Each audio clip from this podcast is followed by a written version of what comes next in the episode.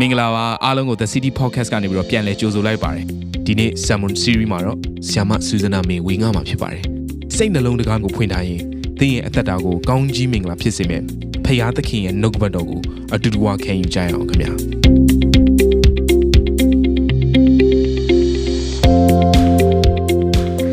Praise the Lord အဲ့တော့ဒီနေ့နှုတ်ကပတ်တော်ရဲ့ခေါင်းစဉ်ကိုကျွန်တော်မပေးထားဘူးအခုပေးမှာဖြစ်တယ်နှုတ်ကပတ်တော်ရဲ့ခေါင်းစဉ်ကဖိအားနဲ့တွန်းအားများ အာမင်အဲ့တော့ဖိအားတွန်းအားဆိုတဲ့အရာကကြောက်တုံးတုံးအပေါ်မှာဖိသွားတဲ့အရာကြီးကိုเนาะဆိုလိုတာဖြစ်တယ်လို့ဖိသွားတာတွန်းအားဆိုတာကဟိုကြောက်ကြောက်ကန်တဲ့ဘာကနေအောက်ကိုတွန်းချလိုက်တယ်ဆိုတဲ့အခြေအနေမျိုးကိုပြောနေတာဖြစ်တယ်တခါတလေယုံကြည်သူတွေရဲ့အသက်တာထဲမှာအဲ့ဒီလိုမျိုးဖိအားတွေတွန်းအားတွေနဲ့ကြုံရတဲ့ဘဝအခြေအနေတွေ တယောက်ချင်းစီတိုင်းဖြတ်ကျော်ဘူးမှာပဲအခုအချိန်နေဆိုမြန်မာနိုင်ငံမှာလည်းဖိအားတွန်းအားနဲ့เนาะတကယ်ကိုအဲကြုံဆုံနေရတယ်မြောက်များစွာသောမိသားစုတွေငိုကြွေးခြင်းနဲ့ ဖြတ်ကျော်နေရတဲ့အချိန်ကာလဖြစ်တယ်ဘယ်နှစ်ယောက်ဆူတောင်းပေးလဲတော့မသိဘူးကျမတို့ဆူတောင်းဖြစ်တယ်မြန်မာနိုင်ငံမှာအခုဖြစ်နေတဲ့အခြေအနေအတွက်အာမင်ဆိုတော့လူတိုင်းမှာနော်တကယ်ကို pressure လို့ခေါ်တဲ့ဖိအားတွန်းအားတွေရှိတယ်ဒါပေမဲ့အဲ့ဒီအခြေအနေကပဲကျမတို့အသက်တာဟာဘသူဖြစ်တယ်လဲဆိုတာကိုထင်ထင်ရှားရှားပြသတဲ့အရာတွေဖြစ်တယ်ဆိုပါစို့လူတယောက်ရဲ့အသက်တာကအမြဲတမ်းကောင်းစားနေတယ်အဆင်ပြေနေတယ်။အိုးဘာမှပြဿနာမရှိတဲ့အသက်တာကြီးဖြစ်နေရဆိုကျင်းတည်တယ်အဲ့လူရဲ့အစစ်မှန်ပေါ်ထွက်လာမှာ မဟုတ်ဘူး။တိုးတော့အဲ့ဒီပြဿနာတွေကိုကြုံတွေ့ရလေလေအခက်အခဲတွေကိုကြော်ဖြတ်ရလေလေအဲ့ဒီလူတယောက်ရဲ့အသက်တာထဲမှာဘလောက်ထိရင့်ကျက်မှုရှိတယ်တည်ငြိမ်မှုရှိတယ်။နော်တကယ်ကိုဘလောက်ထိအထဲထဲမှာခွန်အားဘလောက်ထိရှိတယ်လဲဆိုတဲ့အရာကိုမြင်တွေ့နိုင်တယ်။ဒါကြောင့်မလို့ဘုရားခင်ကစံစာတစ်ချက်ထဲမှာဗာပြောထားလဲဆိုမင်းတို့ဟာတဲ့အိုးမြေဖြစ်တယ်ငါကအိုးထိန်ဖြစ်တယ်ဆိုတော့ အိုးမြေကိုအိုးထိန်ကပြင်ဆင်တဲ့အခါမှာအဲ့ဒီမြေကိုရိုးရိုးလေးအဲ့ဒီစက်ပေါ်မှာတင်ပြီးတော့အိုးတစ်လုံးမဖြစ်လာဘူးအဲ့ဒီအိုးတစ်လုံးဖြစ်လာဖို့တည်းသူကဘာလုပ်လဲဆိုတော့အဲ့ဒီအိုးမြေကိုနာနာထုတ်ရတယ်ပြီးရင်လှိမ့်ရတယ်ဖိရတယ်တွန်းရတယ်အချိန်ပေါင်းများစွာအဲ့ဒီမြေကသူ့ရဲ့လက်ထဲမှာစီးပိုင်ပြီးတော့သူ့ရဲ့လက်ထဲမှာအသားကျပြီးတော့ကောင်းတဲ့ပုံသွင်းလို့ရတဲ့အခြေအနေဖြစ်တဲ့အထိဖိပေးရတယ်တွန်းပေးရတယ်ထုပေးရတယ်ထောင်းပေးရတယ် အဲ့ဒီအခြေအနေဖြစ်လာပြီဆိုတော့မှပဲမြေအိုးကိုပြင်ဆင်တဲ့အဲ့ဒီစက်ကိုပေါ်မှာတင်ရတယ်တင်ပြီးတော့မှပဲလှည့်ကျင်တိုင်းလှည့်လို့မရဘူးအဲ့ဒီမြေအိုးကိုလှည့်တဲ့အခါမှာသူ့ရဲ့လှည့်တဲ့ပုံစံရှိတယ်အဲ့ဒီလှည့်တဲ့ပုံစံအတိုင်းပုံသွင်းပြီးတော့မှအိုးတစ်လုံးဖြစ်လာတယ်ပုံသွင်းပြီးတော့တဲ့အခါမှာလည်းချက်ချင်းသုံးလို့ရတယ်အိုးဖြစ်သလားဘယ်တွေထိတ်ရလဲဆိုမီးတွေထိတ်ရတယ်တဲ့အဲ့မီးတွေထိတ်တဲ့အခါမှာရိုးရိုးအပူချိန်မဟုတ်ဘူးကဲယေရှုမှတ်က100 degree celsius ဟုတ်တယ်နော် 100 degree celsius ဆိုယေရှုပြီတိုးတော့အဲ့ဒီအိုးမြေကိုဖုတ်တဲ့အခါမှာ1000 degree celsius ကနေပြီးတော့1400 degree celsius ထိအပူချိန်ပြင်းတဲ့အထဲမှာသူ့ကိုအပူပေးတော့မှပဲအိုးကောင်းတစ်လုံးဆိုတာဖြစ်လာတယ် ဆိုလို့ရဲ့သဘောကဒီနေ့ကျမတို့ကိုဘုရားကဘာပြောနေတယ်လဲဆိုတော့ဒီလောကမှာအသက်ရှင်တဲ့အခါမှာဘုရားသခင်အတောင်းပြုလို့ရတဲ့အိုးကောင်းတစ်လုံးဖြစ်လာဖို့အတွက်ဘုရားသခင်တည့်ရဲ့အသက်တာထဲမှာထုရတဲ့ထောင်းရတဲ့နန်းနာညက်ညက်ချေရတဲ့အခြေအနေဆိုတာရှိသလိုအထဲထဲမှာရှိတဲ့အသက်တာဟာလှပပြီးတော့ခိုင်ခန့်တဲ့အသက်တာဖြစ်လာဖို့အတွက်မီးနဲ့စစ်ဆေးပြီးတော့အသက်တာကိုကျွမ်းလောင်စေရတဲ့အခြေအနေဆိုတာရှိတယ်ဟာလေလုယာဒါကြောင့်မို့ဒီဘုရားရှင်ကကျမတို့ကို တာ၍ရင့်ကျက်တဲ့သူမုံတိုင်းရဲ့အထက်မှာပြန်တန်းပြီးတော့ခွန်အားနဲ့ပြည့်စုံတဲ့သူဖြစ်ပွင့်တဲ့ဘုရားခင်ကကျမတို့ကိုအဖက်ဖက်ကနေပြီးတော့ဖိပေးมาဖြစ်တယ်အဲ့ချိန်မှာအာမင်သိမ့်မထူးရဲတော့ဟာမင်းရှေ့ရသူတွေထူးကြငါအာမင်ထူးငါတက်တာထဲမှာထိသွားမှာဆိုလို့ဟုတ်လားအဲ့တော့ရွှေလင်းယုံတကောင်ကဲရွှေလင်းယုံတကောင်မပြောသေးဘူးကဲငှက်တကောင်ပြန်တန်းပွင့်တဲ့စာကလေးပဲဆိုပါစို့စာကလေးကအတောင်စုံလာပြီးပြန်တန်းပွင့်တဲ့ပြင်ဆင်တဲ့အခါမှာ အဲ့ဒီငှက်မကဘာလုပ်လဲဆိုအတိုက်ပေါ်ကနေပြီးအဲ့ငှက်ကလေးကိုတွန်းချတယ်တစ်ပင်ပေါ်ကနေတွန်းချလိုက်ပြောပါအောင်တွန်းရတယ်အဲ့တော့တွန်းချမှပဲငှက်ကလေးကတစ်ပင်ပေါ်ကနေပြီးတော့ပြုတ်ကျပြီးတော့သူပြန်တာမပြန်တက်ပြန်တက်နဲ့ပြန်ရင်းနဲ့မှသူပြန်နိုင်သွားတာဖြစ်တယ်သို့တော့တို့ကိုဘုရားခင်ကနှုတ်ကပတ်တော်ထဲမှာဘာနဲ့ခိုင်းနိုင်လဲဆိုတော့ရွှေလင်းယုံရွှေလင်းယုံတကောင်ပြန်တက်ဖွင့်ရတဲ့ကြတော့ဒီလိုမျိုးတစ်ပင်တစ်ပင်နော်နှိမ့်နှိမ့်လေးကနေတွန်းချတဲ့အစင်မဟုတ်တော့ဘူး ရွှေလင်းရုံရဲ့အတိုက်ကဘာမှရှိတယ်လဲဆိုတော့ကြောက်တောင်ပေါ်မှာရှိတယ်။နော်ရွှေလင်းရုံတကောင်ပြန်တန်းဖို့ရန်အတွက်ကကြတော့သူကကြောက်တောင်ပေါ်ကနေပြီးတော့တွန်းချတာ။သူဖြည်းဖြည်းလေးတွန်းချရင်ဘာဖြစ်နိုင်လဲဆိုတော့ကြောက်ဆောင်နဲ့ထိပြီးတော့အဲ့ငက်ကသေးနိုင်တယ်။အဲ့တော့သူကဘလို့တွန်းချဆိုအရှိန်နဲ့ခက်ပြင်းပြင်းလေးသူ့ရဲ့အတောင်ပံနဲ့ပုတ်ထုတ်ပြီးတော့အဲ့ဒီကြောက်တောင်ပေါ်ကနေပြစ်ချတာဖြစ်တယ်။အဲ့လိုပြစ်ချတော့မှပဲအဲ့ဒီငက်ကလေးကအဲ့ကြောက်ဆောင်နဲ့မထိပဲနဲ့ပြန်တန်းနိုင်တယ်။အဲ့လိုပြန်တန်းတဲ့အခါမှာ တချို့ငှက်တွေကမပြန်နိုင်တော့မြေကြီးပေါ်ကိုကြကန်ဒီသေကန်ဒီအဆင့်ဒီဖြစ်လာပြီဆိုမှအော်စရာကောင်းတဲ့ຢာကအဲ့ဒီရွှေလင်းကိုငှက်မကြီးကအဲ့ဒီသူ့ကလေးကိုအတောင်နဲ့ပြန်ထမ်းခေါ်တာဟာဆိုတော့အတောင်ပြန်ဖို့ရန်အတွက်အဲ့ဒီအခြေအနေမလာခင်တွန်းချရတဲ့အခြေအနေဆိုတာလာတယ်နည်းနည်းလေးဘုရားခင်ကတင့်ကိုတွန်းပေးလိမ့်မယ်နှုတ်ကပတ်တော်နဲ့တွန်းတဲ့အဆင့်ပဲမဟုတ်ဘူးဘေးနားမှာရှိရတဲ့သူတွေနဲ့တွန်းတာ အိမ်မှာဆိုယောက်ျားရှိတယ်ယောက်ျားနဲ့တွန်းတယ်မိန်းမနဲ့တွန်းတယ်သားသမီးနဲ့လည်းတွန်းပြန်တယ်အလုံးမှာဆိုရင်တထေးနဲ့တွန်းတယ်ကျောင်းမှာတငယ်ချင်းနဲ့အဲ့တွန်းရင်တွန်းနေပဲတင့်ရဲ့တက်တာဟာအိုးမုံတိုင်းရဲ့ထက်မှာပြန်တန်းလိုက်နေတယ်မဟုတ်ဘူးလားအာမင်ဟာလေလုယာတင်းကိုဘုရားခင်ကဒီနေ့မုံတိုင်းရဲ့အထက်မှာပြန်တန်းနိုင်တဲ့ခွင့်ဘုရားပေးမှာဖြစ်တယ်ဒီနေ့မှာပေးမှာဖြစ်တယ်ဟာလေလုယာ သို့တော့နားလေစီခြင်းတဲ့အရာကလူတိုင်းကိုဘုရားခင်အဲ့ဖိအားတွန်းအားတွေနဲ့ပဲဘုရားခင်ကပုံဖော်တယ်အဲ့တော့ကျမ်းစာတစ်ချက်ထဲမှာဒါကတော့သူ့ရဲ့လက်နဲ့ပုံဖော်တဲ့အရာကိုပြောတာပေါ့သို့တော့နောက်တဲ့ကျမ်းချက်တစ်ခုထဲမှာကျွန်မကြည့်တဲ့အခါမှာသူ့ရဲ့လက်နဲ့မဟုတ်ဘဲနဲ့သူအခွင့်ပေးလိုက်တဲ့လက်တစ်စုံရှိသေးတယ်အဲ့ဒါကိုကျွန်မကြည့်တဲ့အခါမှာတော်တော်လေးအံ့ဩသွားတယ်ဟာဘုရားသခင်ကဒါလဲခွင့်ပြုတာပဲလားဆိုတဲ့အရာကိုကျွန်မမြင်တဲ့အခါမှာသို့တော့ဘုရားကကျွန်မအထင်မမှားပါဘူးဘုရားကိုပို့ပြီးတော့တောင်ချက်သွားသေးတယ် အဖက်ဖက်ကနေကျမတို့ကိုဘုရားပြင်ဆင်နေဆိုတဲ့အရာကဒါပဲကဲနှုတ်ကပတ်တော်ကိုတစ်ချက်လောက်ကြည့်ရအောင်အချိန်ရှိတဲ့အခါမှာလူကာခရစ်အခန်းကြီး22အခန်းငယ်31ကနေ34ထိဖြစ်တယ်ကျမတို့ဒီကဖတ်ရအောင်တပန်းသခင်ဘုရားကရှိမုံရှိမုံဂျုံဆန်ကိုစကားနဲ့ချတဲ့ကဲ့သို့စာတန်သည်တင်တို့ကိုချရမည်ကြောင့်အခွင့်တောင်းသည်ဖြစ်၍သင်၏ယုံကြည်သောစိတ်မပြတ်စေခြင်းဟာငါသည်သင်အဖို့ဆုတောင်းလေပြီ သင်သည်တတိယပြန်သောအခါသင်၏ညီအကိုတို့ကိုတည်ကြည်စေလောဟုမိန့်တော်မူလျင်ပေတရုကသခင်ကျွန်ုပ်သည်ကိုရောနှင့်အတူထောင်တဲသို့၎င်းအသေးသက်ချင်းသို့၎င်းလိုက်ချင်းကအသင်ရှိပါ၏ဟုရှောက်လေတော့သခင်ဘုရားကပေတရုငါဆိုသည်ကယနေ့တွင်ကြက်မတွန်မီသင်သည်ငါကိုမသိဟုသုံးချိန်မြောက်အောင်ညင်းပယ်လိမ့်မည်ဟုမိန့်တော်မူ၏ ဆိုတော့ဒီညမှာဘာကိုတွေ့ရလဲဆိုတော့ပေတရုအကြောင်းကိုတွေ့ရတယ်ဆိုတော့ပေတရုကိုတဲ့ယေရှုကဘာပြောဆိုရှီမုန်ရှီမုန်ရှီမုန်ဆိုတာပေတရုကိုပြောတာနော်ရှီမုန်ရှီမုန်တဲ့ဂျုံဆန်ကိုလေးတဲ့စကားထဲမှာထည့်ပြီးတော့ခါချဖို့ရန်အတွက်တဲ့အဲ့လိုအခြေအနေမျိုးကိုလှုပ်ဖို့ရန်အတွက်စာတန်ကားတဲ့လိုက်ပြောပါအောင်စာတန်စာတန်ကဘသူ့ကိုလာအခွင့်တောင်းတာလဲဆိုတော့သခင်ယေရှုကိုလာအခွင့်တောင်းတာ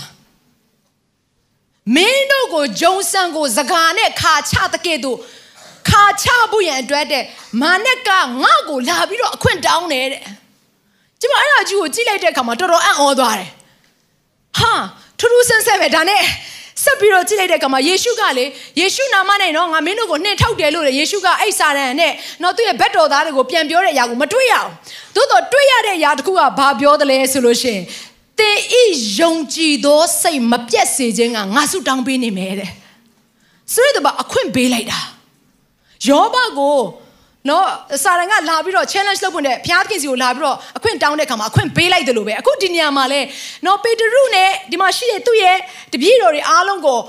လာပြီးတော့ဂျုံဆန်ကိုစကားနဲ့ခါချသလိုပြင်းထန်တဲ့အခြေအနေကိုကြုံတွေ့စေဖို့နဲ့လာပြီးတော့အခွင့်တောင်းတာဖြစ်တယ်။ဒါနဲ့ယေရှုကဗာပြန်ပြောလဲ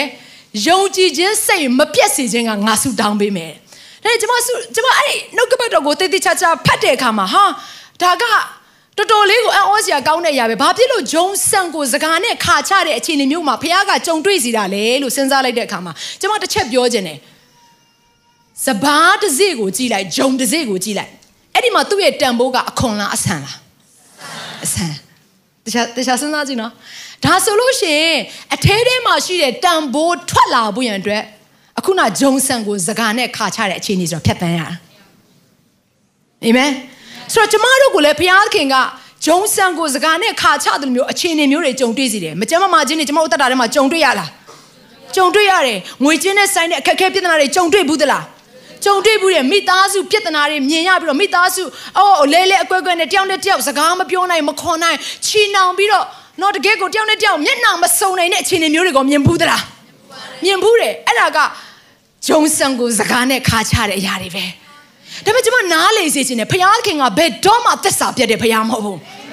ဖခင်ကတော့ကျွန်တော်တို့အပေါ်မှာအမြဲတမ်းထွတ်မြောက်အလံကိုပြင်ဆင်ပေးတဲ့ဖခင်ရှင်ဖြစ်တယ်။ဒါကြောင့်ကျမ်းစာတစ်ချက်ကဘာပြောတယ်လဲဆိုလို့ရှင်ဒီနေ့အဖို့မှာတွေ့တဲ့မကောင်းမသင့်သောအရာဟာဒီနေ့မှာတွေ့တဲ့ပြဿနာဟာဒီနေ့အဖို့လုံလောက်တယ်တဲ့။ဆိုတော့တဘောကကျွန်တော်တို့နေ့တိုင်းတော့ပြဿနာတွေ့နေမယ်သို့တော်မခံနိုင်တဲ့စုံစမ်းနှောက်ယှက်ခြင်းကိုတင်းနဲ့တင်းမိစားလို့ဆိုမှာဘုရားလုံးဝမပေးဘူး သို့တော့အဲ့စုံစမ်းနှောက်ယှက်ခြင်းတွေဖိအားတွေတွန်းအားတွေရောက်လာတဲ့အခါမှာလေအဲ့ဒီဖိအားတွေတွန်းအားတွေကိုပြန်ကန်ထွက်နိုင်တဲ့တကိုးနဲ့တင့်ကိုပြည့်စုံစေမှာဖြစ်တယ်အာမင်အဲ့တော့တခြားပြန်ပြီးတော့ကြည့်လိုက်တဲ့အခါမှာပေတရုကယေရှုအဲ့လိုပြောတဲ့အခါမှာသူဘာပြန်ပြောလဲကိုရောရေကိုရောအတွက်ဆိုရင်ထောင်ထဲလဲဝင်မယ်အသက်လဲအသေးခံမယ်အဲ့လိုလူတွေတွေ့ဘူးလားတွေ့ဘူးလားဟာရေးလဲကောင်းတာနော်သူတို့လောက် ဟာလုတ်ပေးခြင်းနဲ့ကြိုက်ပေးခြင်းအတင်းတို့မှဘေကနာကလို့လဲလုတ်ပေးပြရစေတို့တော့တကယ်တမ်းလို့လဲလို့အမိတော်ရှာလို့မတွေ့ဘူးလုံးမလုံးမကိုမတွေ့တော့ဘယ်ဘယ်ရောက်နေလဲအမအားလို့အလုတ်ရှိလို့ဟလားနော်ဆိုတော့အခုဒီမှာလဲယေရှုတကယ်တမ်းနော်ပြဿနာကြုံတွေ့ရတဲ့ခါမှာကဲစဉ်းစားကြည့်တော့ယေရှုကိုယ်တိုင်လဲဖိအားခံရလားမခံရဘူးလားခံရတယ်အခုဒီအချိန်တွေကသူ့ကိုမကြခင်မှာယောမစစ်သားတွေလာပြီးတော့ဖမ်းတော့မယ့်အချိန်ကာလဖြစ်တယ်သူဘာပြောခဲ့လဲ မင်းတို့တွေခဏလောက်တနာရီခက်မြလောက်စောင့်ပြီးတော့ဆူတောင်းကြပါစုံစမ်းတော့ရှက်ချင်းလာတော့မှာဖြစ်တယ်အဲ့တော့ဆူတောင်းခိုင်းတဲ့အခါမှာယေရှုဘလောက်ထိတောင်ပြင်းပြင်းထန်ထန်ကြုံတွေ့ကြဆိုဂေသရှေမန်ဥယျင်ထဲမှာတဲ့သူဆူတောင်းနေတဲ့ဘလို့ဆူတောင်းလဲနဖူးကချွေးကအသွေးအထိဖြစ်တဲ့တန်အောင်သူ့မှာတကယ်ကိုအထဲထဲမှာဖိအားတွေသူရနေပြီမှန်တယ်သူဖျားဖြစ်တယ်ဒီຢာတွေကိုသူကြုံတွေ့ရမှာဆိုသူကောင်းကောင်းနားလေတယ် သို့တော့နားလည်ရမယ်နောက်တစ်တစ်ချက်ကဘာလဲဆိုတော့ तू ဟာလူသားယာယာနှုံးပြေလဲဖြစ်ပြန်တယ်ဆိုတော့ဒီအရာကိုဖျက်တမ်းဖို့နဲ့ तू ပြင်ဆင်တဲ့အခါမှာသူ့အနေနဲ့အယမ်းခက်ခဲတဲ့အခါမှာ तू လမ်းမျောကြည့်လိုက်တယ်သူ့ရဲ့တပြည့်တွေတားချင်းတွေသူ့အနားမှာရှိကြလားဆုတောင်းပေးကြလားမတောင်းတခါတလေလူကိုလိုက်မမျောနဲ့လူသားဖြစ်ရင်တော့လူကိုတော့မျောတက်မိမှာပဲသို့တော့လူကိုမျောတဲ့အခါမှာကိုမျောလင့်တဲ့သူကကိုမျောလင့်တဲ့အတိုင်းမတုံ့ပြန်အဲ့မှာခြုံပွဲချဒုက္ခရောက်တာပဲငိုကြွေးပြီပဲ နောက်ဆုံးကျွန်မကုံကုံပြောလိုက်မယ်အသင်းအောင်ဆရာကိုလည်းမမျောလင့်နဲ့အသင်းအောင်ဆရာဖျားမဟုတ်ဘူးအဲ့တော့ဒီလိုပြောလိုက်လို့အသင်းအောင်ဆရာကိုတန်ဖိုးမထားနဲ့လို့ကျွန်မဆိုလိုနေတာမဟုတ်ဘူးမှန်တယ် သို့တော်လည်း तू ဟာလူသားဖြစ်တဲ့အခါမှာအသင်းဥစရာကိုယ်တိုင်ပင်လင်ဒုက္ခမြောက်များစွာနဲ့ pressure မြောက်များစွာနဲ့ရှိနေတဲ့သူတွေဖြစ်တယ်။နားလည်ရမယ့်အရာတခုကဒီနေ့ယေရှုခရစ်တော်ကနောက်ဆုံးသူဘာလုပ်လဲ။အဲ့ဒီအချိန်မှာကိုပါကဲပါအောင်အတူတူဆုတောင်းရအောင်လို့ပြောလို့မရတော့တဲ့အချိန်မှာယေရှုသူဒူးထောက်ပြီးသူဆုတောင်းပြီးသူ့ရဲ့အဖခမေးတော်နဲ့သူစတင်ပြီးတော့စကားပြောတယ်။ဒီပြဿနာကြုံလာပြီလား။ရင်ဖွင့်စရာလူမရှိဘူးလား။ယုံကြည်စရာလူမရှိဘူးလား။ကိုမိမကိုယောက်ျားကိုဖွင့်ပြောလို့မရတော့ဘူးလား။ ကိုချစ်သူနော်ကိုရဲ့ညီကိုမမတွေကိုဖွင့်ပြောလို့မရဘူးလားဘုရားသခင်ကိုစတင်ပြီးတော့ဖွင့်ပြောပါ Facebook ပေါ်မှာလေကျမကတော့ဟိုတနေ့ကဘာဖြစ်တယ်ဒီတနေ့ကဘာဖြစ်တယ်မလုံနဲ့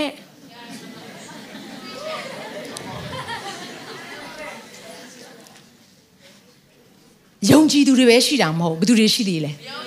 မယုံကြည်သူတွေရှိတယ်မယုံကြည်သူတွေကသင်ရေးတဲ့စာကိုမြင်လားခဏနေကြတော့တက်သေးခံလိုက်ခဏနေကြတော့ပြဿနာတက်လိုက်ခဏနေကြတော့အသေးကွဲလိုက်ခဏနေကြတော့ထဆဲလိုက် Facebook ပေါ်မှာဖြစ်နေတာမိသားစုနဲ့ဆိုင်တဲ့ကောင်းတဲ့သတင်းတွေဆိုရင်တော့ကျေးဇူးတော်ချီးမွမ်းမှာကောင်းပါတယ်တိုးတော့အခုကဟိုတယောက်နဲ့တယောက် connection ဖြစ်ဖို့ပဲအဲမဟုတ်တော့ပဲねအဲ့ထက်လွန်ပြီးတော့သူတို့ရဲ့ရှစ်သမျှပြဿနာတွေအကုန်လုံးကိုတင်တဲ့အခါမှာမယုံကြည်သူတွေကမြင်တဲ့အခါမှာဟိုတနေ့ကပဲသူပြောသူဖျားတတ်နိုင်တယ်ဘာညာဒီနေ့ကျတော့တခါတည်းသူ့မှာအလူလူအလဲလဲအကွက်ကွက်အပြည့်ပြည့်ဖြစ်နေတာဘုန်းတော်ထင်ရှားသလားမထင်ရှားဘူးအာမင်ဆိုတော့ Facebook ကကျမတို့ကဘာမဟုတ်ဘူးနော် Facebook ကကျမတို့ရဲ့အာဘယ်လိုခေါ်မလဲတချို့တွေကအဲ့ Facebook ကိုပဲသူတို့ကတကယ့်ကိုအဟုတ်မှတ်နေတယ်ဒါပေမဲ့ Facebook ကအဟုတ်မဟုတ်ဘူးလိန်ညာတဲ့အရာတွေအတုအပတွေဟန်ဆောင်ထားတဲ့အရာတွေအများကြီးပါတယ်ဒါကြောင့်မလို့ကျွန်မနားလေစေခြင်းနဲ့ရင်ဖွင့်ခြင်းခမီးတော်ဘုရားခင်ကိုရင်ဖွင့်ပါဖယားခင်ကတင်စကားပြောတဲ့အခါမှာမကြားနိုင်အောင်နားထိုင်တဲ့ဖယားမဟုတ်သလိုမကူညီနိုင်အောင်လက်တိုတဲ့ဖယားလည်းမဟုတ်ဘူးအာမင် အဲ့တော့အဲ့ဖယားသခင်နဲ့တင်စတင်စကားပြောပြီးတော့ဒူးထောက်ပြီးတော့ဖယားသခင်နဲ့အချိန်ယူမယ်ဆိုရင်လေတစ်ချိန်တစ်ခါမှမခံစားခဲ့ပြီးအဲ့ဖယားရဲ့မြတ်တာကိုသင်ခံစားရမယ်ဖယားရဲ့တိုးထီခြင်းကိုသင်ခံစားရမယ်သင်မျက်ရည်ရှိတဲ့ကိုဖယားကတုတ်ပေးဖို့နဲ့အစဉ်သင်းရှိတယ်အာမင်ဟာလေလုယာအဲ့တော့ပေတရုဘာဖြစ်လဲပေတရုသူဘလောက်ပဲလှုပ်ပေးမယ်ကုပေးမယ်ကင်ပေးမယ်အသေးခံမယ်အသက်ခံမယ်လို့ဘလောက်ပြောပြောနောက်ဆုံးကြတော့ဘာဖြစ်လဲပေတရုလဲတာပဲမဟုတ်ဘူးလား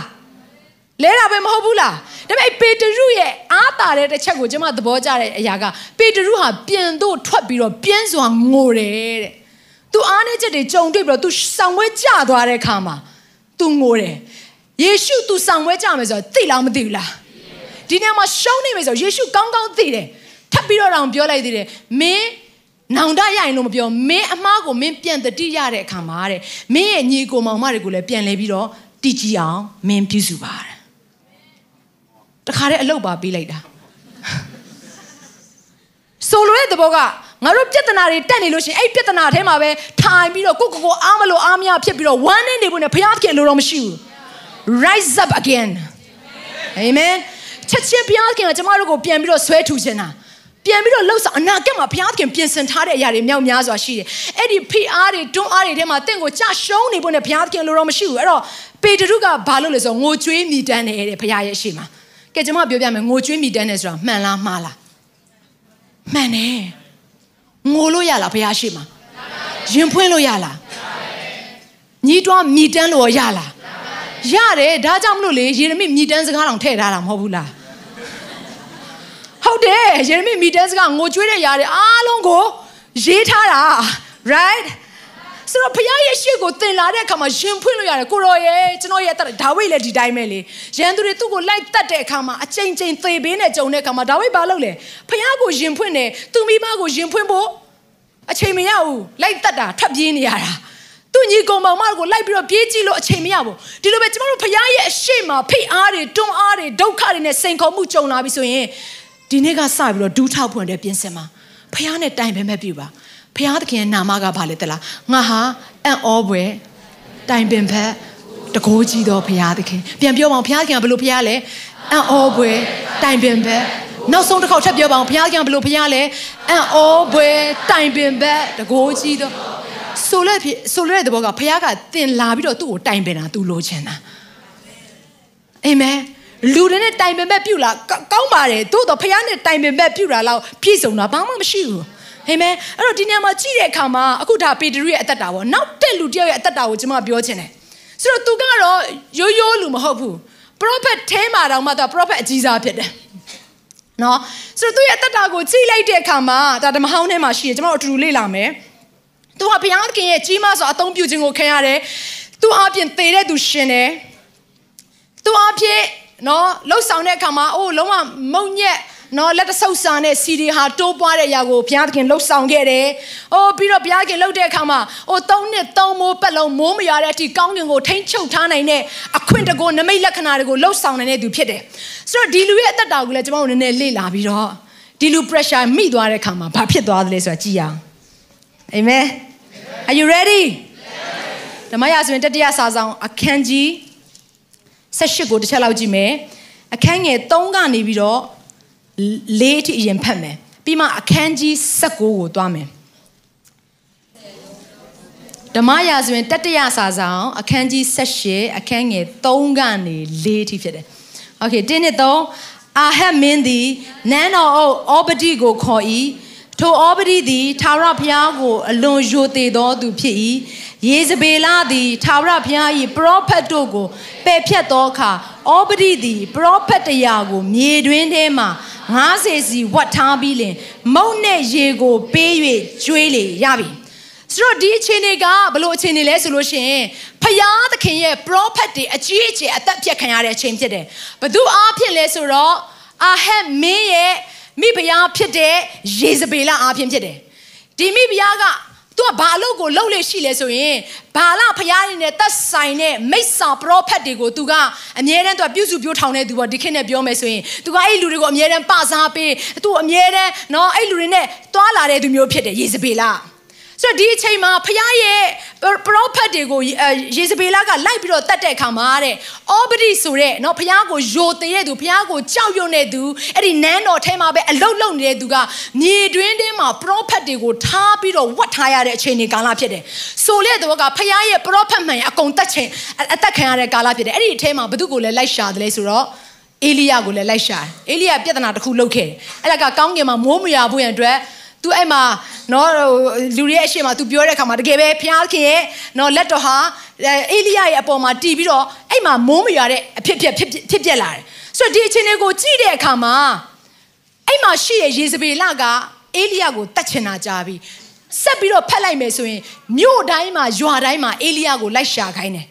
အဲ့လိုအချိန်တွေမှာအေလိယကဘာလုပ်လဲဆိုတော့တဲ့အံ့ဩစရာကောင်းတဲ့အရာကဘာလရဲ့မိစ္ဆာပရောဖက်တွေကိုစိန်ခေါ်တယ်တဲ့ hey မင်းတို့ရဲ့ဖခင်ကအသက်ရှင်နေဆိုရင်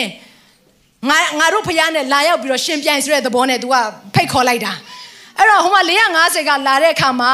အားရပါရသူတို့ကပွဲချင်းပါကြတယ်မီးနဲ့ထူးလို့ရှင်အဲ့ဒါဖျားစစ်ဖျားမှန်ပဲဒါနဲ့နောက်ဆုံးကြတော့နော်နွားတွေဘာတွေတက်ပြီးတော့အဲ့ဟာတွေကျွန်တော်အကုန်လုံးအတူချုံပြီးတော့ပြောရမယ်ဆိုလို့ရှင်ဖျားသခင်ရဲ့ဝိညာဉ်တော်ဟာအေလိယအပေါ်မှာတက်ရောက်ပြီးတော့ဖျားသခင်မီးဟာလေသူ့ရဲ့ရစ်ပလင်အပေါ်မှာကျတဲ့အခါမှာအဲ့ဒီအဲ့ဒီနေ့မှာအေလိယဟာ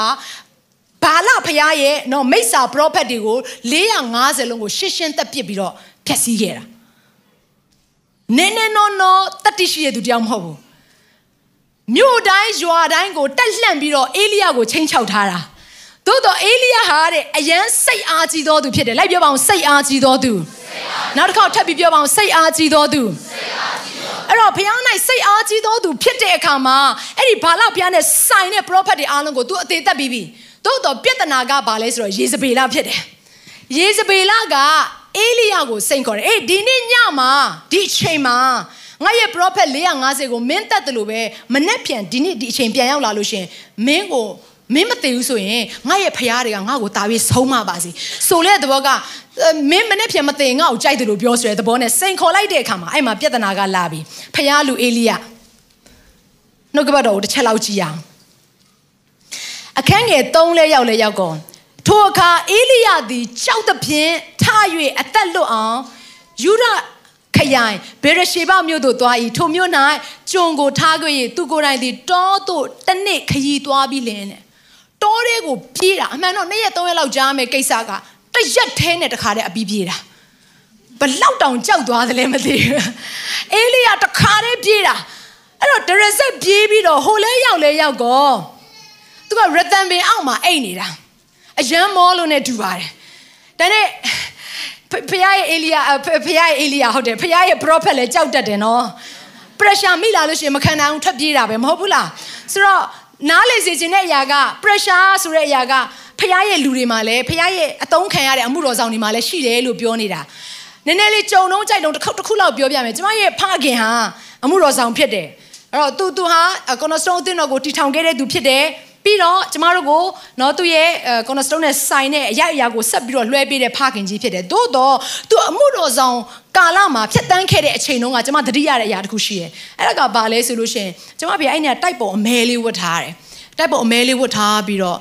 तू तू တရားဟောပလင်မှာ तू ပြောပြီးတော့ကျမမမိတယ်ကျမလွန်ခဲ့တဲ့အနှစ်20လောက်ကပေါ့နော် ကျမအသက်ကိုမမှန်းနဲ့နော်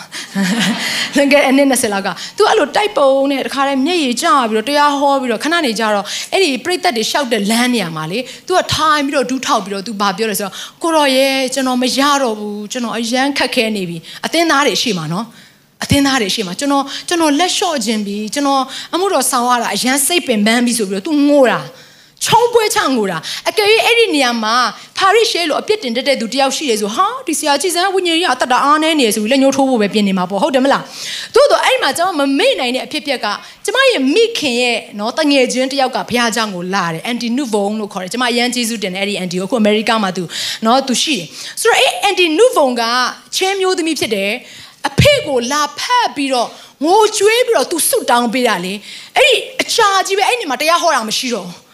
အဖေကိုပဲဆူတောင်းပေးလိုက်ရတာအမှန်တော့အဖေစီကတရားဟောချက်ကိုနားထောင်ခြင်းလို့ရောက်လာတဲ့သူတွေအများကြီးပဲတိုးတော့အဲ့ဒီနေ့မှာအဖေကတရားမဟောနိုင်ဘဲနဲ့ तू အမှုတော်ဆောင်ရတဲ့ကာလမှာအယမ်းပင်ပန်းပြီးတော့ तू ငိုကြွေးပြီးတော့ तू လက်လျှော့တော့မဲ့အချိန်မှာ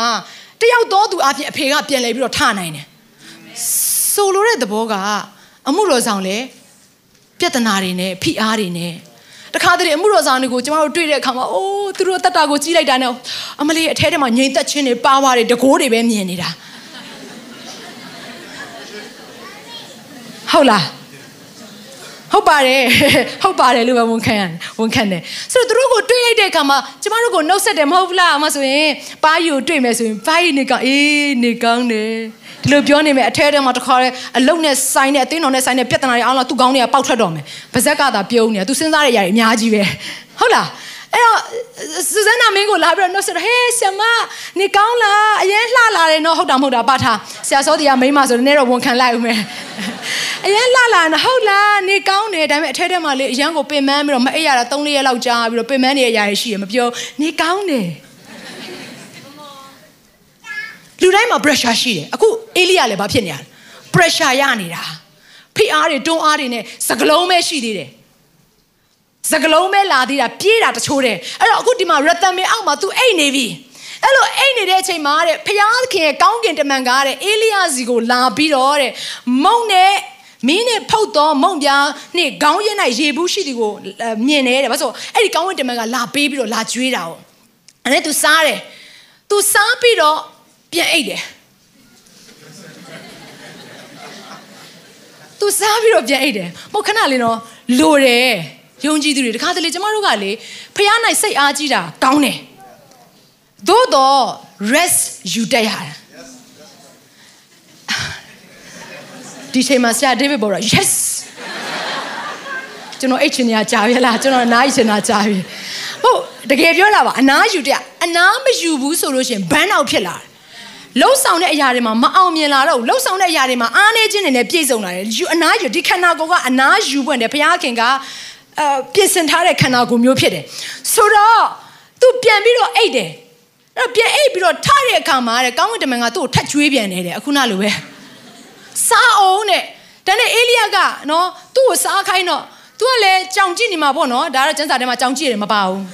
ဒါပေမဲ့အခုပဲထားလာတာထက်ကျွေးတယ်ဆိုတော့လေဒါနဲ့ကောင်းကင်တမန်ကဘာပြောလဲဆိုတော့မင်းသွားမယ်အရက်ကအလွန်ဝေးတယ်တဲ့ဆိုလက်တဘောကငါတို့ဘုရားရဲ့အမှုတော်ကိုဆောင်တဲ့အခါမှာခရီးတူမဟုတ်ဘူး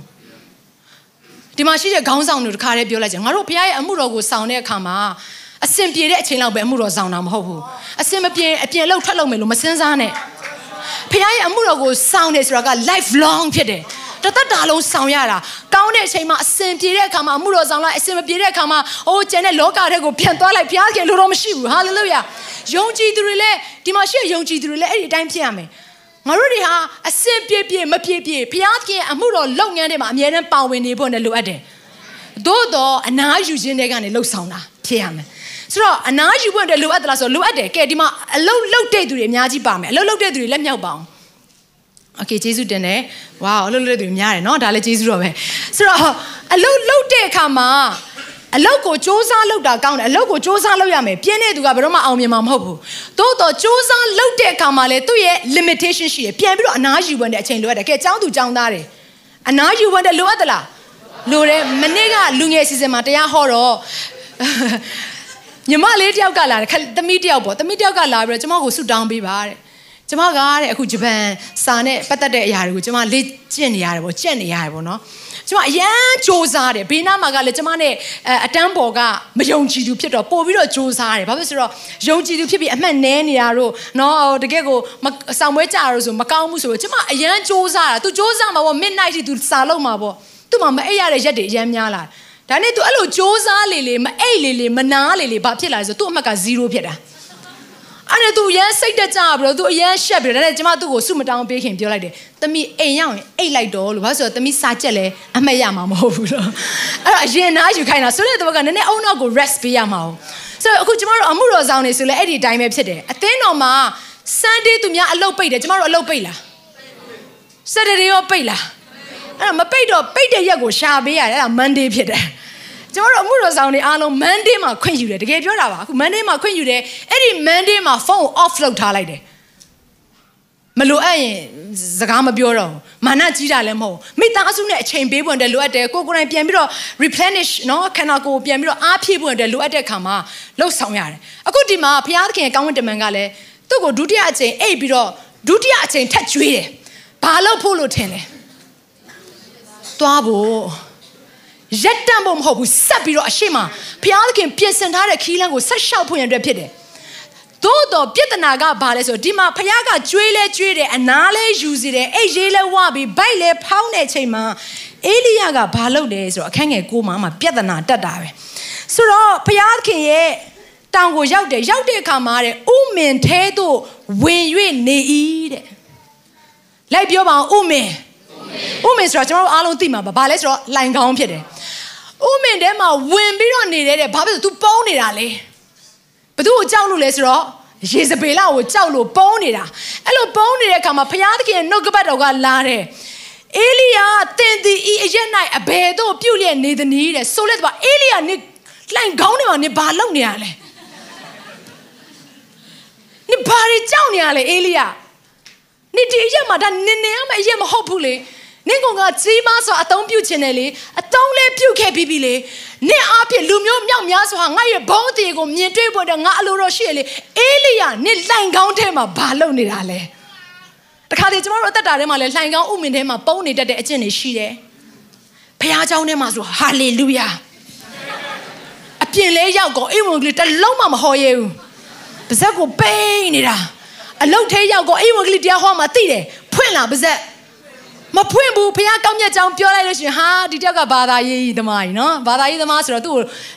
နည်းနည်းထားထားလိုက်ပါဖခင်ယူယူနေတာအပြောခံရမှာဆိုလို့ဒါမှမဟုတ်အလုတ်ထဲမှာသူတို့ဘာနဲ့အစင်မပြေဖြစ်သွားမှာဆိုလို့ဖះနဲ့ပတ်သက်လိုက်တိတ်ပြီးတော့မဝင်ငှရဲတဲ့သူတွေရှိတယ်အဲ့ဒါကဂူအောင်နေတဲ့ခရစ်ယာန်လို့ခေါ်တယ်ဘေးနားမှာရှေ့သူတစ်ချက်ကြည့်လိုက်ဂူအောင်တဲ့ခရစ်ယာန်လားလား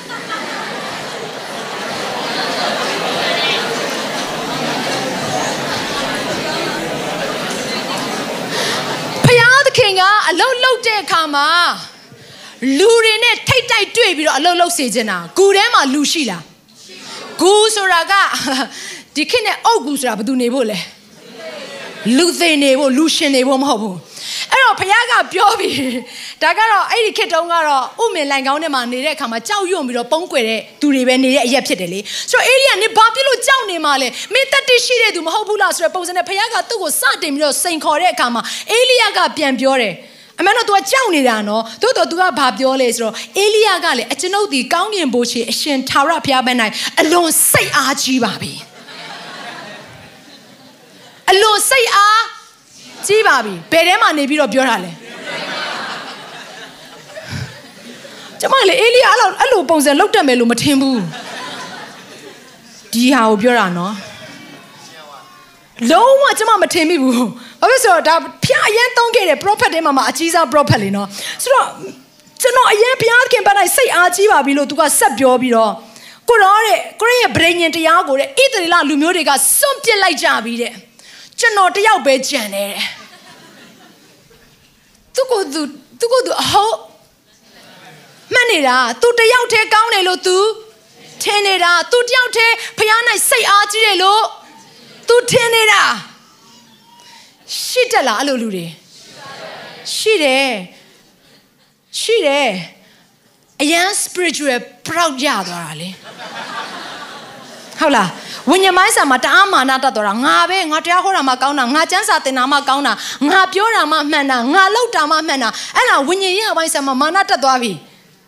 တနည်းအားဖြင့်ကိုကိုကိုပညာရှိတယ်လို့ထင်တယ်အခြေအနေဖြစ်နေတာတကောရှစ်နှစ်ထဲမှာအချင်းသူသည်ငါကပညာရှိဖြစ်သည်ဟူ၍စိတ်ထင်၏ထိုသူသည်သိအပ်သည့်အတိုင်းအလျင်းမသိသေးဆိုလေတဘောကမင်းကိုမင်းတိတ်စိတ်အားကြီးတယ်လို့မင်းထင်နေသလားမင်းကိုမင်းတိတ်ပြီးတော့မင်းကပဲ ငါရဲ့လူလို့မင်းထင်နေသေးလားမဟုတ်သေးဘူးနော်ဆိုတဲ့အရာကိုဘုရားကပြောချင်တာဒါနဲ့ဘုရားရှင်ကဘာပြောလဲဆိုတော့လိုက်ပြောပါအောင်ထွက်လို့ကြည်ကြည်လေးပြောပြပါအောင်မကြားလို့ထွက်လို့ထွက်ပြီးတော့ဘုရားကဗမာနေခိုင်းလေဆိုတော့ဘုရားသခင်ရဲ့တောင်ပေါ်မှာနေပါတဲ့တောင်ပေါ်မှာသွားပြီးတော့ရက်နေမင်းကငါထားတဲ့ရက်ကဂူထဲမှာလူမမြင်သူမမြင်နေရမှာငါမထားအောင်တောင်ထိပ်ပေါ်မှာငါထားချင်တာ ငါရဲ့အေဝံဂေလိတရားကိုဝင်ငါစေချင်တာလူမျိုးနဲ့အသီးသီးကိုမင်းကိုအုပ်ချုပ်စေချင်တာလူမျိုးနဲ့အသီးသီးငါရဲ့နှုတ်ကပတ်တော်ကိုကြားဖို့အတွက်မင်းကငါတောင်ပေါ်မှာရက်စေချင်တာဒါနဲ့အေလိယကထပ်ပြောတယ်နော်အာ sorry ဒါနဲ့ဘုရားသခင်ကသူ့ကိုပြောတယ်ထွက်လို့လို့ပြောတဲ့အခါမှာအေလိယကဘာလုပ်လဲဆိုတော့တဲ့ဂူရဲကနေတော့ထွက်ဖို့ပြင်ဆင်တယ်သို့တော့ဥမင်အဝ၌ရက်ရက်နေ၏တဲ့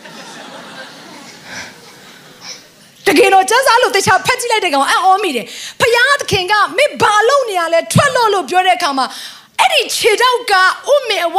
အပြင်ဘက်ကိုရောက်ပွင့်အတွက်တလန်းတလန်းဆိုရောက်နေပြီသို့တော့တောင်ပေါ်လဲမတက်ဘူးဂူတဲ့ရဲ့အပြင်လဲမထွက်ဘူးအဲ့ဒီဥမေအဝမှာမတက်ရက်ပြီးတော့ဘာဆက်ပြောလဲသိလားကိုတော့တဲ့အခန်းငယ်ဆက်လေးလဲရောက်လဲရောက်ကောအရှင်သခင်ထာဝရဘုရားဘက်၌အလွန်စိတ်အားကြီးပါပြီတဲ့ ကျွန်တော်စိတ်အားကြီးသောသူဖြစ်တယ်လို့ဗဇက်ကပြောပြီးတော့လက်နဲ့သူ့ရဲ့လှုပ်ဆောင်ချက်ကမပေါ်လာဘူးအာမင်ဒီဘုရားခင်ကတင့်ရဲ့အသက်တာကိုအဲ့လိုမဖြစ်စေခြင်းဘူးဘဖျားသခင်ရဲ့စိတ်အားကြီးခြင်းဆိုတော့အသင်းတော်ထဲမှာပဲမဖြစ်ရအောင်အိမ်ထဲမှာပဲမဖြစ်ရအောင်အိမ်ပြင်ထိဖြစ်နေရမယ်အလုပ်ထဲထိဖြစ်နေရမယ်ကျောင်းထဲထိဖြစ်နေရမယ်သင်ရောက်တဲ့နေရာတိုင်းမှာအဲ့ဒီစိတ်အားကြီးခြင်းဟာထင်ရှားနေဖို့နဲ့ဘုရားသခင်လိုတော်ရှိတယ်အာမင်နှစ်ချင်းထဲမှာရောက်မှ the city ထဲမှာရောက်မှစိတ်အားကြီးတာမဟုတ်နှစ်ချင်းထဲရောက်လဲစိတ်အားကြီးရမယ် အေဂျီထဲရောက်လဲစိတ်အားကြီးမယ်ဘုရားကတင့်ကိုပို့ဦးမှာပဲလေတနေရာထဲမှာပဲ stuck ဖြစ်နေမှာမဟုတ်ဟုတ်တယ်မလားအင်္ဂလိကန်ထဲရောက်နေလဲစိတ်အားကြီးဖယားသင်ကိုဘယ်အသင်းတော်ကိုပို့ဖို့ဘယ်အရက်ကိုပဲပို့ဖို့သင်ဟာဖယားသခင်၌စိတ်အားကြီးတော်သူဖြစ်ရမယ်။သို့တော်နားလည်ရမယ့်အရာတစ်ခုကစိတ်အားကြီးခြင်းကိုချိုးဖဲ့မယ်။နော်ဖိနှိပ်ခြင်းတွေ pressure တွေလာမယ်ဆိုတဲ့အရာကိုလည်းပြင်ဆင်ထားစေခြင်းတယ်။အာမင်။ အဲ့တော့ဒီမှာသူကမထွက်ဘဲနေတဲ့အခါမှာဘုရားခင်ကသူ့ကိုထပ်ပြောတယ်အေလိယဘာလောက်နေတာလဲ။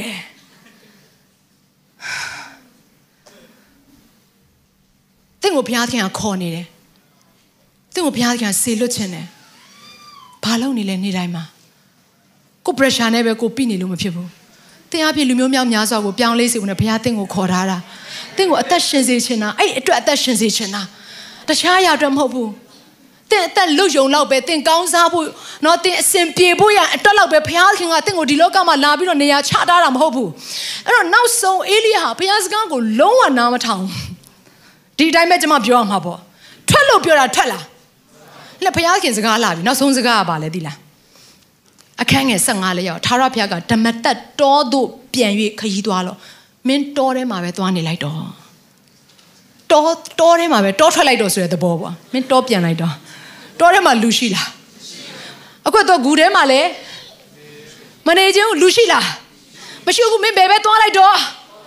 တောထဲပဲသွားလိုက်တော့မှတ်ထားပါဘုရားသခင်အမှုတော်ကိုဆောင်ရတယ်ဆိုတဲ့အရာကကြီးမားသောအခွင့်အတူဖြစ်တယ်ဖះအမှုတော်ကိုဆောင်တဲ့အခါမှာဘယ်တော့မှစင်ကြယ်မပေးနဲ့အခုအေလိယက तू စင်ကြယ်ပေးတယ်ကိုတော်ရဲ့ကျွန်တော်တိတ်ပင်ပန်းနေပါပြီအရှိနားမှာဖက်ဖက်ကြည့်လိုက်မယ်ဆို तू ဘလောက်တောင်စင်ကြယ်ပေးတယ်တလားကိုတော်ရဲ့ကိုအသက်သေရမည်အကြောင်းဆုတောင်းပါတယ် ထာဝရဘုရားအချိန်တန်ပါပြီကျွန်တော်အသက်ကိုသိမ်းယူတော်မူပါတယ်ဆိုလက်တဘောကိုရောရေကိုရောအမှုတော်ကိုထမ်းဆောင်ရတာအရန်ပင်ပန်းနေပါပြီအချိန်တန်ပြီလေကိုရောကျွန်တော်သိလိုက်တာပဲဤတယ်မြင်မြင်ရုပ်သိမ်းတော့ကိုရောအမှုတော်ကိုကျွန်တော်ဆက်ပြီးတော့မဆောင်နိုင်တော့ဘူးဆိုပြီးတော့ပြောလိုက်တဲ့ပုံစံဖြစ်နေတာဖះဘလို့ပဲချော့ချော့ဘလို့ပဲခေါ်ခေါ်လုံးဝမထွက်လာတဲ့အခါမှာနောက်ဆုံးဖះသူ့ပဲပြန်ခိုင်းလိုက်လေတောကိုပို့ရတဲ့အဆင့်ထိမဖြစ်စေနဲ့အာမင်ဝိညာဉ်ပိုင်းဆိုင်ရာမှာဖះတောထွက်ခိုင်းရတဲ့အဆင့်မဖြစ်စေနဲ့ တင့်ကိုဘုရားခင်ကလူမျိုးမြောက်များစွာကိုပြောင်းလဲစေဖို့နဲ့ဘုရားခင်ပြင်ဆင်ထားနေပြီဖြစ်တယ်တိုးတော့တင်ခေါင်းမာနေရဆိုရင်တော့မရအောင်ဒီနေ့အသင်းတော်အထဲမှာတင့်ကိုဘုရားခင်နေရာချပါလိမ့်မယ်တချို့သောသူတွေက music နဲ့ဆိုင်တဲ့အရာတွေချို့သောသူတွေကအာရှာနဲ့ဆိုင်တဲ့အရာတွေချို့သောသူတွေကနော်တကယ်ကိုဒီမှာ healing service နော် guest center နဲ့ဆိုင်တဲ့အရာတွေ media department တွေရှိတယ်။အိုးနောက်ထပ်နော် finance နဲ့ဆိုင်တဲ့ department တွေရှိတယ်။ဆိုတော့မတူညီတဲ့ကဏ္ဍမှာတင့်ကိုထားတဲ့အခါမှာတင်ကအဲ့ဒီပုံမှာတစ္ဆာရှိရမယ်။ နောက်ပြန်ဆုတ်ဖို့မကြိုးစားပါနဲ့။ဖယားခင်ကစိတ်တက်ပြော့ညံ့နေတဲ့သူတွေနဲ့အလုပ်လုပ်ဖို့နဲ့အရန်ခက်ခဲတယ်။အာမင်စိတ်ထဲပြောညံ့နေလို့မရဘူးကျမတို့ယုံကြည်သူတွေတာပြီးခိုင်ခန့်မှုနဲ့ဘုရားသခင်အလိုတော်ရှိတယ်ဘလို့ pressure တွေပဲလာလာဘလို့တွန်းအားတွေပဲလာလာတင်အဲ့တွန်းအားကိုဖောက်ထွက်တဲ့သူဖြစ်ရမယ် breaker anointing နဲ့ပြည့်စုံစေခြင်းနဲ့ဘုရားခင်ကရိုးရိုးမဟုတ်ဘူးနော်အာမင်အဲ့တော့ဘုရားခင်ကဘာဆက်ပြောလိုက်တယ်ဟုတ်ပြီမင်းသွားပါတောတဲ့ကိုသွားပထမတယောက်ကိုတွေ့တဲ့အခါမှာမင်းရှင်ပြင်းအရာမှာ မင်းပိတ်သိပ်ပေးလိုက်တိုးတော့ဒုတိယတယောက်ကိုတွေ့တဲ့အခါမှာတဲ့ကျွန်မအနောက်ကလိုက်ပြောပါအောင်တင့်ကိုစားတော်တော်နာတယ်နော်အဲ့စကားတင့်ကိုစားပရောဖက်အရာ၌ခန့်ထားပြီးဗိတ်သိပ်ပေးလို့မင်းငါရဲ့အမှုတော်ကိုမဆောင်ချင်ဘူးလားမင်းငါနောက်ကိုမလိုက်ချင်ဘူးလားမင်းကိုငါပေးထားတဲ့ဗိတ်သိပ်ကိုမင်းတန်မိုးမထားဘူးလားမင်းကိုငါပေးထားတဲ့အရက်အရာကိုမင်းတန်မိုးမထားဘူးလားကိစ္စမရှိဘူးနောက်တစ်ယောက်ကိုမင်းကိုစားငါလွှဲမယ်နေ့ဖရာသခင်ရဲ့ အမှုတော်ကိုထမ်းဆောင်တဲ့အခါမှာငါမှငါမလုံလုံလို့မရအောင်သင်မလုံလေလုံမဲ့သူတွေအများကြီးရှိတယ်တင်မလုပ်လဲလုံမဲ့သူတွေပုံလို့တို့တော့ဘုရားခင်ကတင့်ကိုအခွင့်အရေးပေးလာပြီဆိုအဲ့ဒီအခွင့်အရေးကိုတန်ဖိုးထားဖို့လည်းလိုအပ်တယ် ငါလုံးမဆိုရဲအဲ့ဒီမာနတခွဲတိုင်းနေဆိုဒီနေ့ဘုရားခင်တင့်ကိုဘယ်တော့မှအသုံးပြုလို့ရမှာမဟုတ်ဘူးဒါကြောင့်မလို့ဘုရားခင်ပေးလာတဲ့တာဝန်တိုင်းကိုတပြက်စီးပဲလှဲရလှဲရအမိုက်ပဲကောက်ရကောက်ရအိမ်သာပဲဆေးရဆေးရဖုံပဲတောက်ရတောက်ရကင်မရာလေးကိုပဲကင်ထားရသည်ဖြစ်စေအဲ့ဒီဘုရားပေးတဲ့အမှုရာကိုသေသည့်တိုင်အောင်သစ္စာရှိရသူဖြစ်ဖို့နဲ့ဘုရားခင်လိုချင်တယ်အာမင် တချို့သောသူတွေစိတ်တက်ကြတဲ့သူတွေရှိပါလိမ့်မယ်အရင်တော့အမှုတော်ဆောင်ခဲ့တယ်အရင်တော့ဘုရားခင်၌စိတ်အားကြီးခဲ့တဲ့သူတွေရှိပါလိမ့်မယ်ဒီနေ့မှာတော့သင်နောက်ဆုတ်တယ်ဆိုဒီနေ့နှုတ်ကပတ်တော်ကသင်အတွက်ဖြစ်တယ်သင်ချက်ချင်းနောင်တရဖို့နဲ့လိုအပ်တယ်ဖိအားတွေဘလောက်လာလာပြန်တွန်းပြီးတော့တွန်းကန်နိုင်တဲ့သူဖြစ်ဖို့နဲ့ဘုရားခင်သင်ကိုခေါ်နေတာငါသားနေဘာလုပ်နေမှာလဲသမီးနေဘာဖြစ်လို့နောက်ပြန်လဲမှာလဲနောက်မဆုတ်နဲ့တင့်ထဲထဲမှာငါထည့်ပေးထားခဲ့တဲ့စိတ်အားကြီးခြင်းတွေကိုပြန်လဲပြီးတော့ရေတွင်းဟောင်းကိုတူးတယ်လို့ပြန်တူးဖော်ပါအောင် အဲ့ဒီရေရင်းဟောင်းကပြန်တူးဖော်လိုက်ပြီဆိုလို့ရှိရင်တောက်ရမကုံသုံးရမကုံတဲ့ရေတွေလူမျိုးများစွာအသက်တာထဲမှာပြန်လဲပြီးတော့လန်းဆန်းစေမယ့်အရာတွေတင့်အသက်တာထဲမှာငါထည့်ထားပေးတယ်တင့်အသက်တာဟာဆန်းရည်ကဲ့သို့ဖြစ်တဲ့ရေတွင်းကဲ့သို့ဖြစ်တဲ့မြစ်ရေကဲ့သို့ဖြစ်တဲ့တင့်ကိုစောင့်နေတဲ့သူတွေအများကြီးရှိတယ်တင်တိုက်မှာတောက်ရမယ့်သူတွေရှိနေတယ်အေလိယထွက်ခဲ့ပါတင်ကိုဘုရားခင်သုံးညဒီထဲမှာအေလိယဘယ်နှယောက်ပါလဲတော့မသိဘုရားခင်တင်ကိုသုံးချင်တယ် သင်ဘယ်အရက်မှာပုံနေမှာလဲဖိအားတွေကြောက်နေတာလားအမှုတော်ဆောင်တဲ့အခါမှာကြုံလာမယ့်ဒုက္ခဆင်းရဲတွေကိုသင်ကြောက်လန့်နေတာလားလူတွေပြောလာမယ့် criticism တွေကိုသင်ကြောက်နေတာလားကျွန်မပြောပြမယ် criticism လို့ခေါ်တဲ့လူတွေရဲ့ကဲ့ရဲ့ခြင်းဆိုတာကခဏပဲသို့တော့ဖခင်ရဲ့နှုတ်ကပတ်တော်ကထာဝရတည်တယ် ဒါကြောင့်မလို့ criticism ပေါ်မှာငါတို့ဟာရက်တည်တဲ့သူတွေမဟုတ်တဲ့အတွက်ကြောင့်မလို့နှုတ်ကပတ်တော်မှာပဲအမြဲတမ်းဆွဲကင်ပြီးရက်တည်တဲ့သူတွေဖြစ်တဲ့အတွက်ကြောင့်မလို့ဘလိုမျိုးကဲ့ရဲ့ခြင်းညှင်းဆဲခြင်းတိုက်ခိုက်ခြင်းတွေလာမစေငါတို့လုပ်ရမယ့်အရာကိုဆက်လုပ်မယ်ပြေးရမယ့်ပန်းတိုင်ကိုဆက်ပြေးမယ်ဘာလို့ဆိုငါတို့နဲ့တူဘုရားသခင်အတူတူပါရှိနေတယ်အာမင်အာမင် အဲ့တော့ဒီမှာဆက်ပြီးတော့ကြည့်လိုက်တဲ့အခါမှာဘုရားခင်ကအေလိယကိုဗာဆက်ပြောလဲဆိုတော့မင်းရဲ့ကိုစားမှာထားပြီးတော့တဲ့ဗိတ်သိက်ပေးလိုက်ပါတဲ့ဘုရားခင်ကရိုးရိုးဗိတ်သိက်တောင်ပေးတာမဟုတ်ဘူးနော် double anointing မဟုတ်ဘူးလားနှစ်ဆသောစိတ်ဝိညာဉ်နဲ့ပြည့်စေပြီးတော့ဘုရားကဆက်ပြောလိုက်တယ်မင်းတယောက်တည်းမဟုတ်ဘူးတဲ့အခုဒီမှာငါရဲ့ဣသရေလအမျိုးသားဘာလဘုရားကိုဥမချဝတ်မပြုတဲ့ငါရဲ့လူအယောက်9000တောင်ကြံသေးတယ်တဲ့တခါတလေကိုကိုကိုတိတ်ထင်ကြီးနေတာ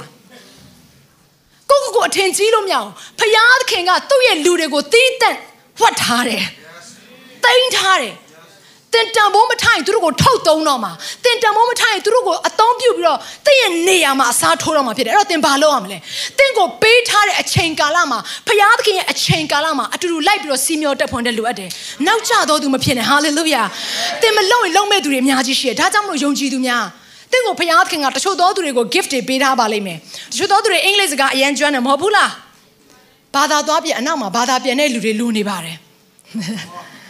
တချို့ဒီမှာကျမတို့ညီကောင်မောင်မတွေလာတယ်သူသူတို့သူတို့တွေကောင်းကောင်းသဘောပေါက်တယ်တချို့ဘာသာပြန်တဲ့အခါမှာအဆင်မပြေဘူးနည်းနည်းလေးလွဲတဲ့အရာတွေရှိပါလိမ့်မယ်တန်ရန်ကျွမ်းကျင်နေဆိုရင်သွားပြီးတော့ကိုညစ်ပေးကြပါလိုအပ်တယ်တချို့သောသူတွေကကြားပြန်တော့လေ Sunday school သင်တတ်တယ်သင်မှာဒီမှာကလေးငယ်မြောက်များစွာ တကယ့်ကိုနှုတ်ကပတ်တော်စာငတ်တဲ့ကလေးငယ်မြောက်များစွာရှိတယ်တင့်အားဖြင့်သူတို့အသက်တာပြောင်းလဲမှာအိမ်မှာထိုင်နေုံနဲ့ဘုရားသခင်နိုင်ငံတော်ဘုရားသခင်ဘုန်းတော်ထင်ရှားမှာမဟုတ်ဘူးသွားပြီးတော့ sign up လုပ်စေခြင်းနဲ့လူငယ်များအသင်းတော်မှာတင့်အတွက်နေရာမြောက်များစွာခြံထားပေးသေးတယ်လာခဲ့ပါတင့်ကိုအသင်းတော်ကအလိုရှိတယ်တက်မတော်ကအလိုရှိတယ်တက်မတော်ကအလိုရှိရဟုတ်တယ်လေဒါအသင်းတော်ဆိုတာတက်မတော်ပဲမဟုတ်ဘူးလားခရစ်တော်ရဲ့စစ်တီတော်တွေစုယုံထားတဲ့နေရာလေဆိုတော့အိမ်မှာမနေနဲ့ အိမ်မှာအိမ်မဆင်းခိုင်းတော့ပြောတာမဟုတ်ဘူးနော်ကျွဲစကားကောက်မဲ့သူတွေကရှိနေတယ်ကွက်တီဟာဆင်ဝတ်ဒီနှုတ်ကပတ်တော့ငါအိမ်ပေါ်ကဆင်းဖို့ကွက်တီပဲအဲ့လိုပြောနေတာမဟုတ်ဘူးနော်ဒီဘုရားခင်ဆုံလွဲရာကတင့်ကိုဖိအားတွေတွန်းအားတွေနဲ့တွေ့ကြုံစေမယ်သို့တော့တင်အဲ့ဒီဒုက္ခရောက်နေတဲ့အချိန်မှာဝမ်းနည်းနေရတဲ့အချိန်မှာတင့်ပါဇက်ကဘာထွက်တယ်လဲဆိုတာသတိထားပါဖះကိုဖះရှင်မှာငိုချွေးလို့ရတယ်ဖះရှင်မှာယင်ဖွင့်လို့ရတယ်ဖះရှင်မှာညီးတွားလို့ရတယ်သို့တော့ဖះသခင်ပေးတဲ့တာဝန်ကို တန်ဖိုးမထားတဲ့ပုံစံတော့မပြောမိစေနဲ့ကျွတ်တော့သူတွေအလုတ်လုတ်တယ်မလားအလုတ်ထဲမှာလေဟာဖျားသခင်ဒီအလုတ်ကအရန်ပင်မန်းတာပဲဒီအလုတ်ကဘာဖြစ်တယ်တမီးအလုတ်ရှင်တွေကတမီးရဲ့နော်အလုတ် coworkers တွေကတမီးကိုအရန်ပြောကြတယ်အဲ့အလုတ်ရဖို့ပဲတင်ဆုတောင်းခဲ့တာမဟုတ်ဘူးလားအဲ့အလုတ်လေရလဲရအောင်အခုကျတော့ဖះကိုဘာလို့ဒီလုတ်ပေးရလဲတဲ့စဉ်စဉ်းစားရခတ်တယ်နော်တခါတည်းလူတွေက pressure ဆိုတာရှိရချို့တွေကြတော့လေ ယောက်ျားလူချင်းတဲ့သူတွေမိန်းမလူချင်းတဲ့သူတွေရှိတယ်ဟုတ်လားဟာတခါလေအဲယောက်ျားမရမိန်းမမရလို့တခါလေ pressure မိနေတဲ့သူတွေလည်းရှိပြန်တယ်သိရောသိလားမိန်းမယောက်ျားဆိုတာ pressure အရင်များတယ်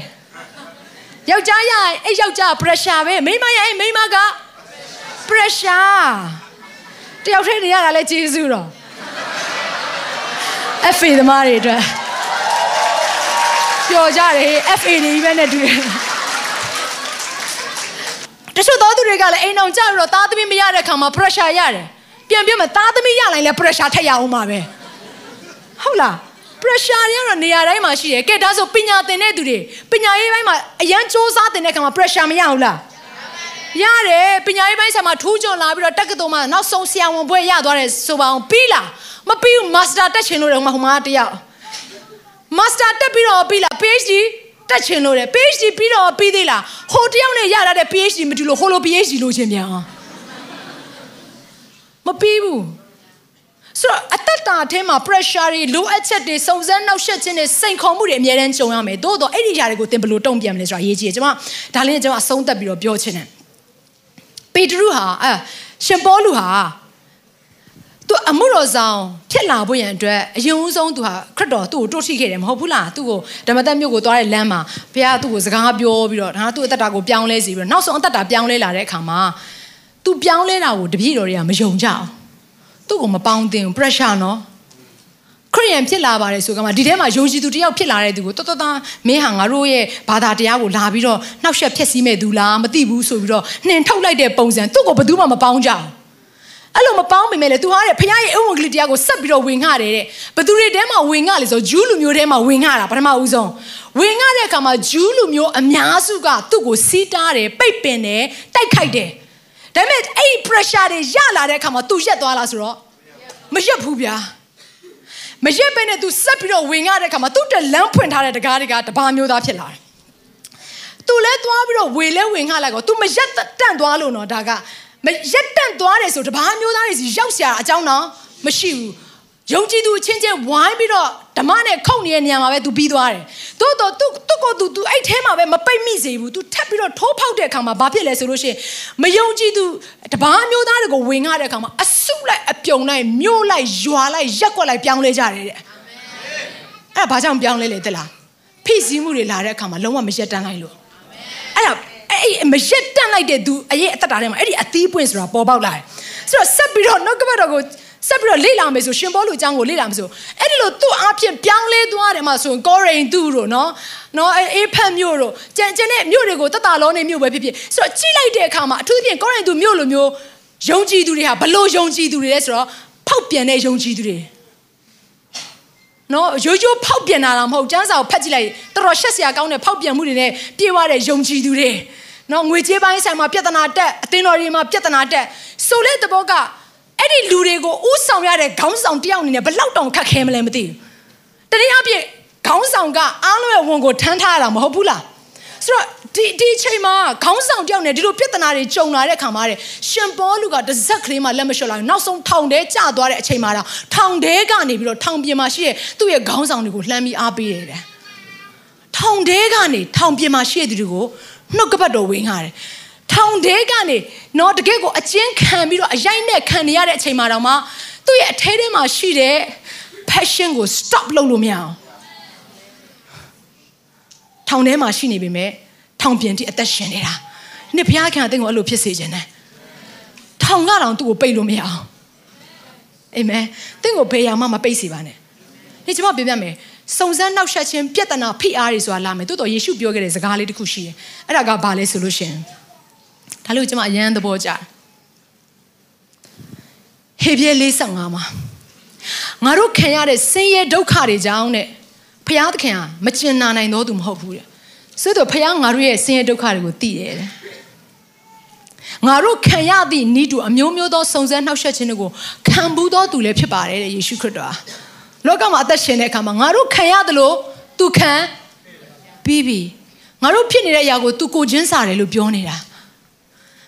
ဟေဘရဲ28မှာအဲ့ဒီစုံစမ်းနှောက်ယှက်ခြင်းကိုကိုတော်တိုင်ခံ၍ဒုက္ခဆင်းရဲ၌ကျင်လေသောကြောင့်စုံစမ်းနှောက်ယှက်ခြင်းအမှုနှင့်တွေ့ကြုံသောသူတို့ကိုမဆခြင်းကငါတတ်နိုင်တယ်ငါတတ်နိုင်တယ်မင်းတို့ကငါကူညီပေးနိုင်တယ်ယေရှုလောကထဲမှာလာတဲ့အခါမှာစုံစမ်းနှောက်ယှက်ခြင်းမျိုးစုံနဲ့သူကြုံတွေ့ခဲ့ရတယ်